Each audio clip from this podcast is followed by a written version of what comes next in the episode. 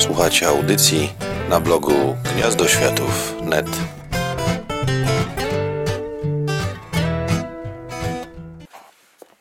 Minął już jakiś czas w sumie, odkąd przeczytałem drugi brzeg, ponieważ wziąłem się za niego tak stosunkowo szybko po premierze, w odróżnieniu od ołowianego świtu ale jakoś tak nie było czasu, żeby usiąść i pogadać parę minut na temat tej książki.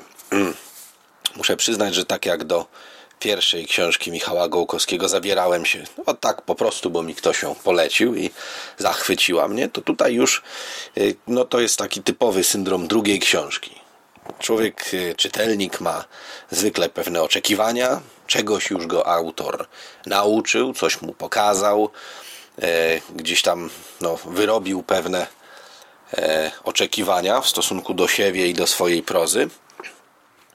I zawsze to jest pytanie, czy zrobi to samo, co z jednej strony dobrze, a z drugiej idzie schematem, czy zrobi coś zupełnie innego, co z jednej strony fajnie, bo pokazał coś więcej niż przy pierwszej książce, a z drugiej strony, no, to nie tego się spodziewaliśmy, prawda? To, to jest kwestia właśnie tego, czego chcemy od książki. E, muszę przyznać uczciwie, że drugi brzeg mocno się od ołowianego świtu różni. Pod wieloma względami. E, jeśli chodzi o taką stricte techniczną, pisarską formę, to Michał yy, trzyma poziom. Nawet widać, jak sądzę, że, że jest jakiś postęp. Rozpędza się trochę. E, trochę inaczej ta książka jest poprowadzona. Trochę inaczej napisana. I e, pod tym względem też tutaj znać postęp. Natomiast jeśli chodzi o treść, to jest rzecz zupełnie dla mnie inna od Ołowianego Świtu. Ołowiany Świt to była książka przygodowa. Taka rasowa przygodówka właśnie bohater idzie, dzieje się coś. Trochę takiego westernu, takiego dzikiego zachodu, trochę takiej mm, powieści drogi. Mm, wszystkie te wzorce, na których nasze pokolenie się wychowało. No bo jakby nie patrzeć, jesteśmy z Michałem w podobnym wieku i y, co bardzo wyraźnie widzę po drugim brzegu, mieliśmy podobne lektury, podobne seanse i podobną się karmiliśmy popkulturą, kiedy byliśmy młodsi. W drugim brzegu znać, że Michał powtórzył sobie pewne rzeczy związane ze stalkerskim folklorem, pewne dzieła, że obejrzał znowu film Tarkowskiego, że przeczytał znowu książkę Strugackich. To w taki bardzo fajny sposób yy, mruga okiem do czytelnika. Ci, którzy znają te rzeczy bezbłędnie, rozpoznają to, co zostało z nich gdzieś tam zaczerpnięte. Te opowieści, ten folklor, e, odnośniki do pewnych wydarzeń, ale też e, takie drobiazgi, detale, które sprawiają, że świat przedstawiony jest dużo bogatszy. Michał rozwinął go i nie chodzi nawet tylko o to, że e, Miszka przeniósł się z białoruskiej strony, powędrował na ukraińską i przez to mamy nowe plenery, krajobrazy, wszystko, ale także o, o trochę innych rzeczy. I rzeczywiście drugi brzeg to jest wyprawa.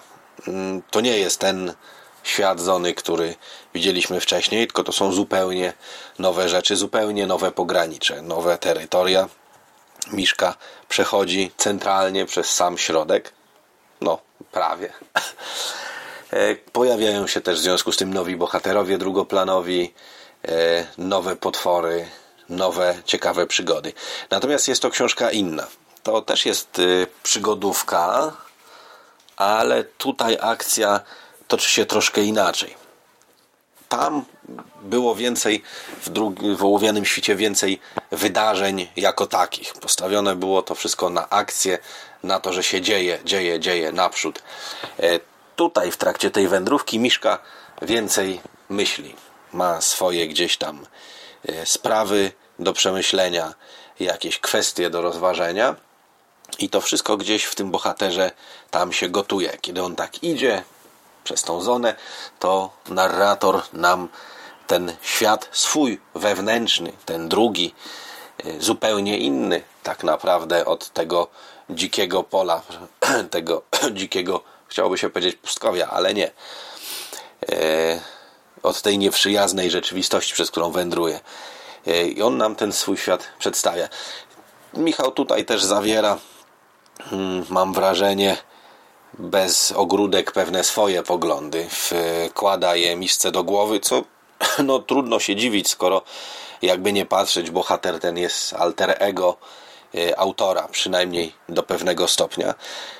To jest jedyna rzecz, którą mógłbym tej książce zarzucić, ponieważ część z tych uwag, e, na które Miszka, Michał ustami Miszki, jego myślami pozwala sobie, brzmi strasznie moralizatorsko. Ja jestem strasznie e, uczulony na takie zabiegi, ale rozumiem e, czemu e, tak, a nie inaczej, e, dlaczego takie, a inne rzeczy on do swojej książki nakładł. Nie chcę tutaj zdradzać za bardzo wydarzeń. E, nie chcę za bardzo mówić o tym, co się dzieje, żeby tym, którzy jeszcze nie mieli okazji, przyjemności nie popsuć. Bo mógłbym streścić książkę, ale to nie o to chodzi. Powiem tak. Są rzeczy, których w ołowianym świcie nie było. Są też rzeczy, które tam były. Poznacie nowe przeciwieństwa, nowe przeszkody, ale wrócą też starzy znajomi, bo Miszka tak naprawdę wędruje po to, żeby pozbyć się z głowy pasażera, którego w ołowianym świcie załapał. E, gnany tym, co zostawił mu w prezencie, trudno to nazwać prezentem, gówno takie, a nie prezent, to, co zostało mu po spotkaniu z kontrolerem, próbuje rozwikłać zagadkę, e, która przychodzi do niego w sennych koszmarach. I dlatego właśnie idzie na południowy wschód. Dlatego idzie na ukraińską stronę do agropromu. I oczywiście yy, każda wędrówka musi mieć swój kres i wędrówka Miszki również ma swój kres i w agropromie rozgrywa się finał może nie tyle finał, co punkt kulminacyjny tej historii, bo potem jeszcze jest parę ciekawych rzeczy. Między innymi bardzo fajnie załatwiona sprawa e, spotkania, ponownego spotkania w drodze powrotnej z postacią, która wcześniej na kartach książki się przewijała. Taka trochę z przymrużeniem oka jest ta przygoda, ale bardzo fajnie wyciąga z z takiego y, z trochę koszmarnego nastroju, który zostaje po agropromie. No i oczywiście mm, tutaj mm, no, nie, nie zdradzę puenty ani nie zrobię spoilera, jeżeli powiem, że Misza wraca bezpiecznie do bazy, tylko po to, żeby tam znowu zastać niespodziankę. To też dla mnie była duża niespodzianka. Nie spodziewałem się tego. No skoro to niespodzianka, to nie miałem prawa się tego spodziewać. O, o tym akurat nie wiem, co sądzić ciekaw jestem, co będzie dalej, bo zdaje się, że e, tego dowiemy się dopiero z trzeciej książki, która ukaże się pewnie w przyszłym roku. Trochę tak, żeby zebrać do kupy ten chaos, y, bo jak na razie to ten podcast wygląda troszeczkę tak jak zona po pierwszej emisji. Nie wiadomo w ogóle, co się w nim dzieje.